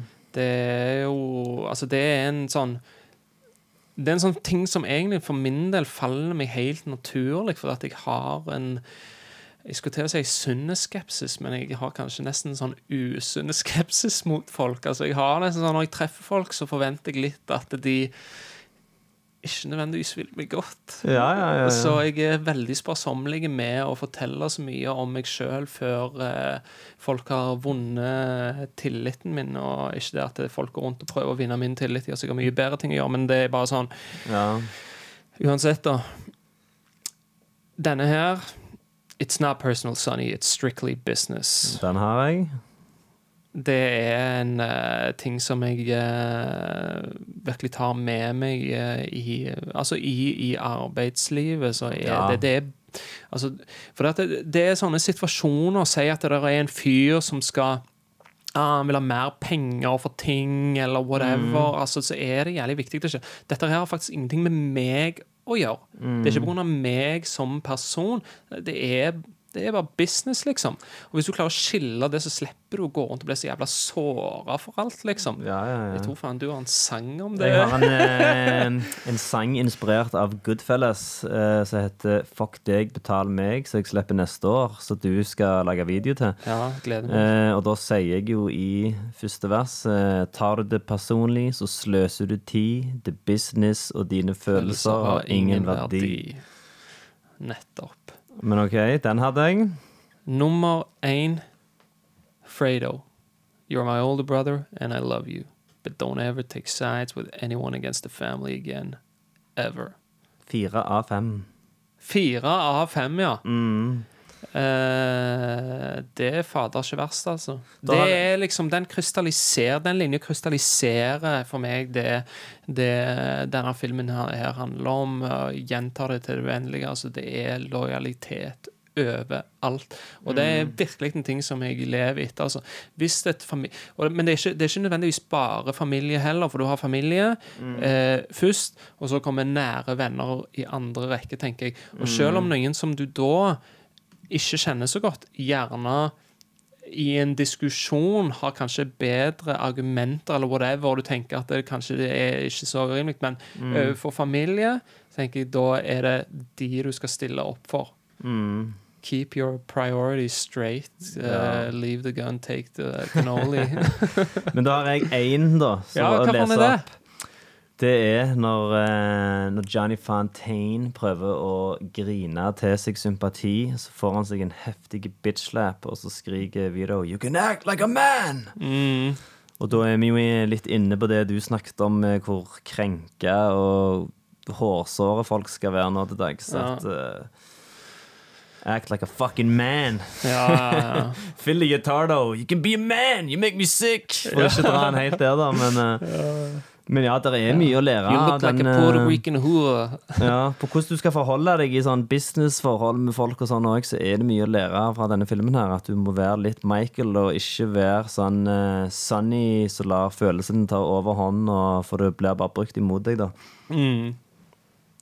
Men, Men- før vi rapper det opp, så har vi en siste sånn uh, morsom ting vi skal gjøre. Vi snakket jo om det at uh, gudfaren sånn i introen her At uh, selvfølgelig er gudfaren made, men spørsmålet er Er gudfaren den beste filmen som noen gang er lagd? Og da er det da er det egentlig altså, sånn som vi ser det. eh, no big surprise, hva er det vi har kalt denne uh, podkasten? Funny how.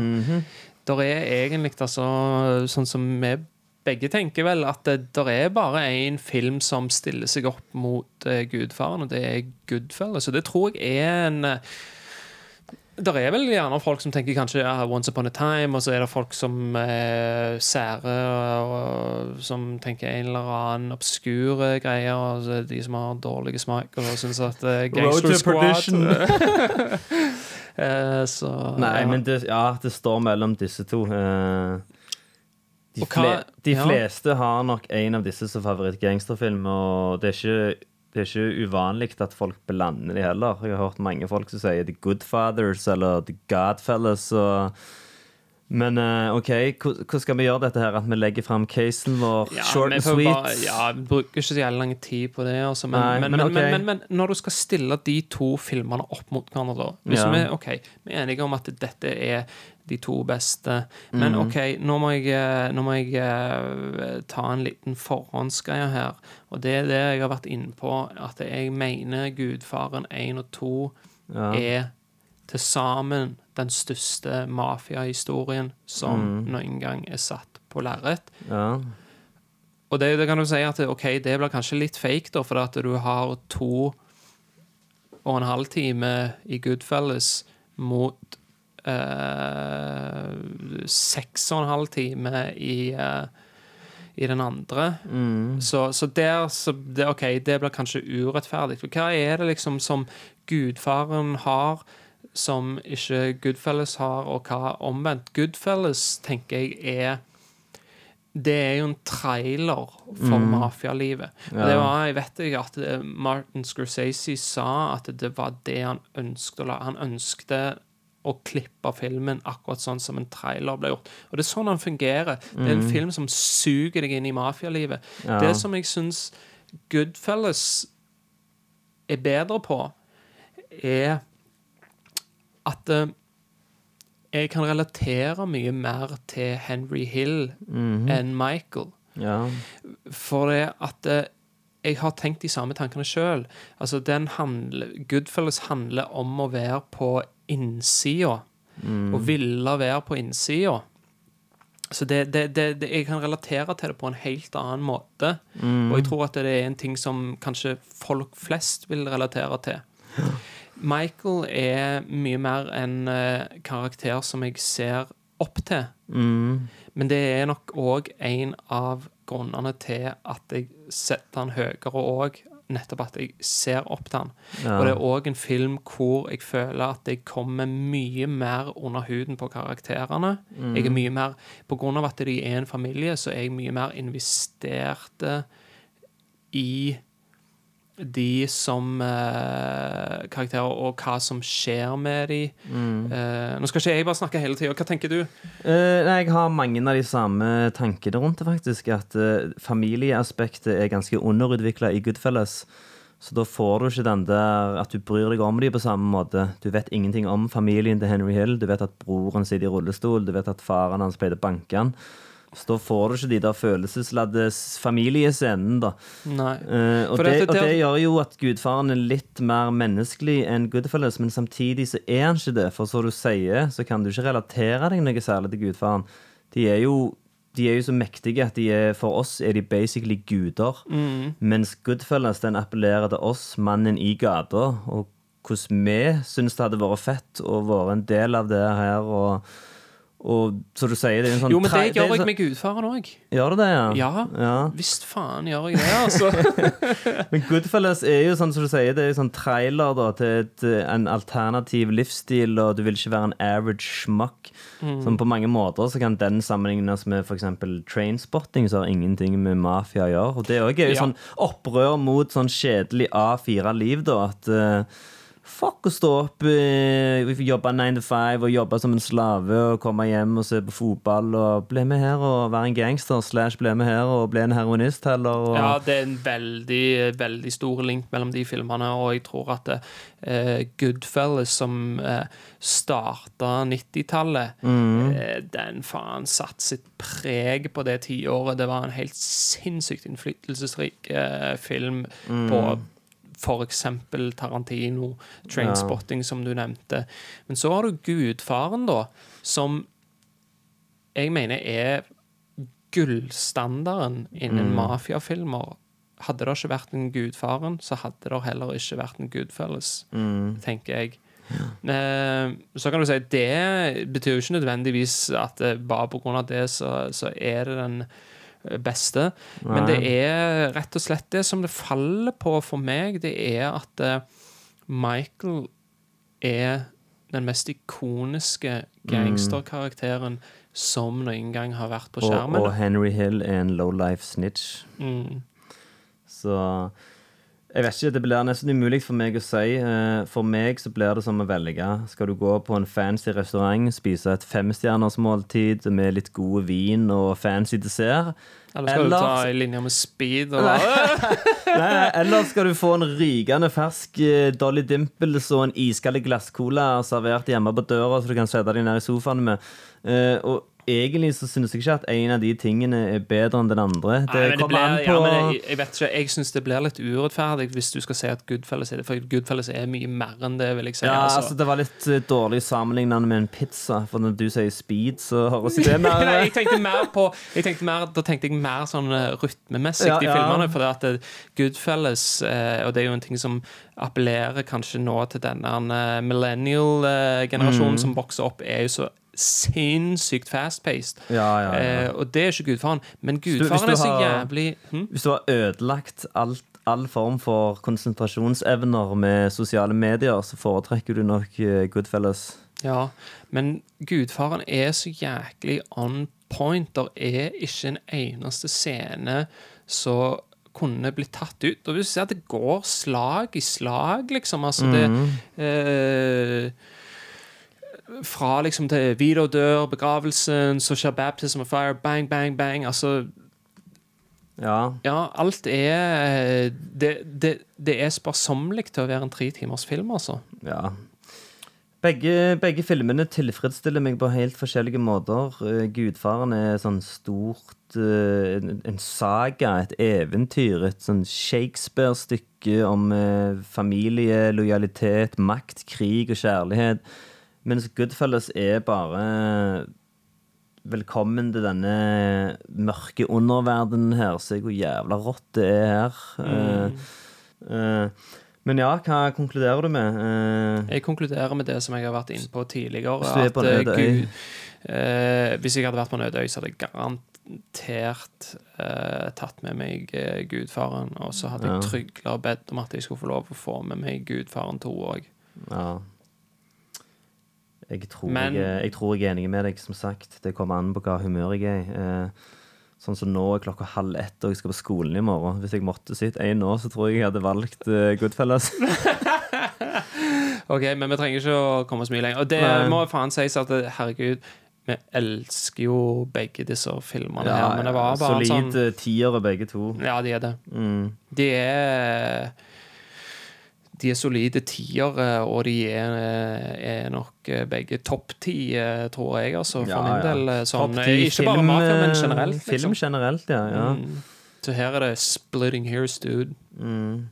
Da er jeg eh, veldig spent på å se hva tilbakemeldinger folk har å komme med. Eh, så pleier vi å annonsere hva film vi skal se, snakke om neste gang. Og siden det er rundt juletider neste gang, så leita vi jævlig, da. Vi ville finne en mafiafilm som var litt sånn eh, Som har med jul å som har noe med jul å gjøre. eh, og det vi kom fram til Jeg vet ikke om det var den eneste, det var iallfall du som kom med forslaget, men The Ice Harvest med Billy Bob Thornton og John Cusack. Ja.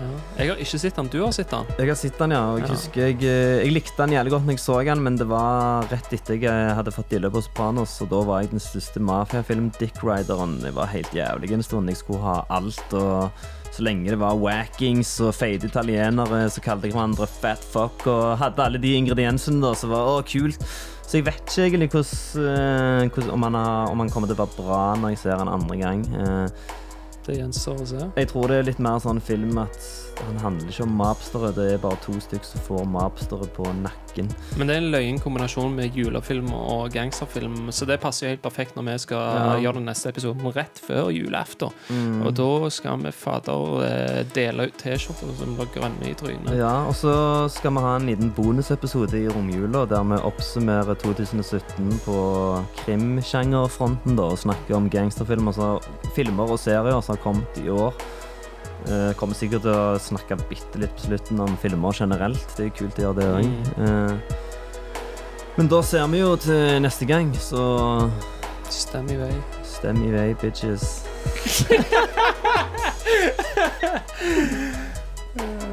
okay.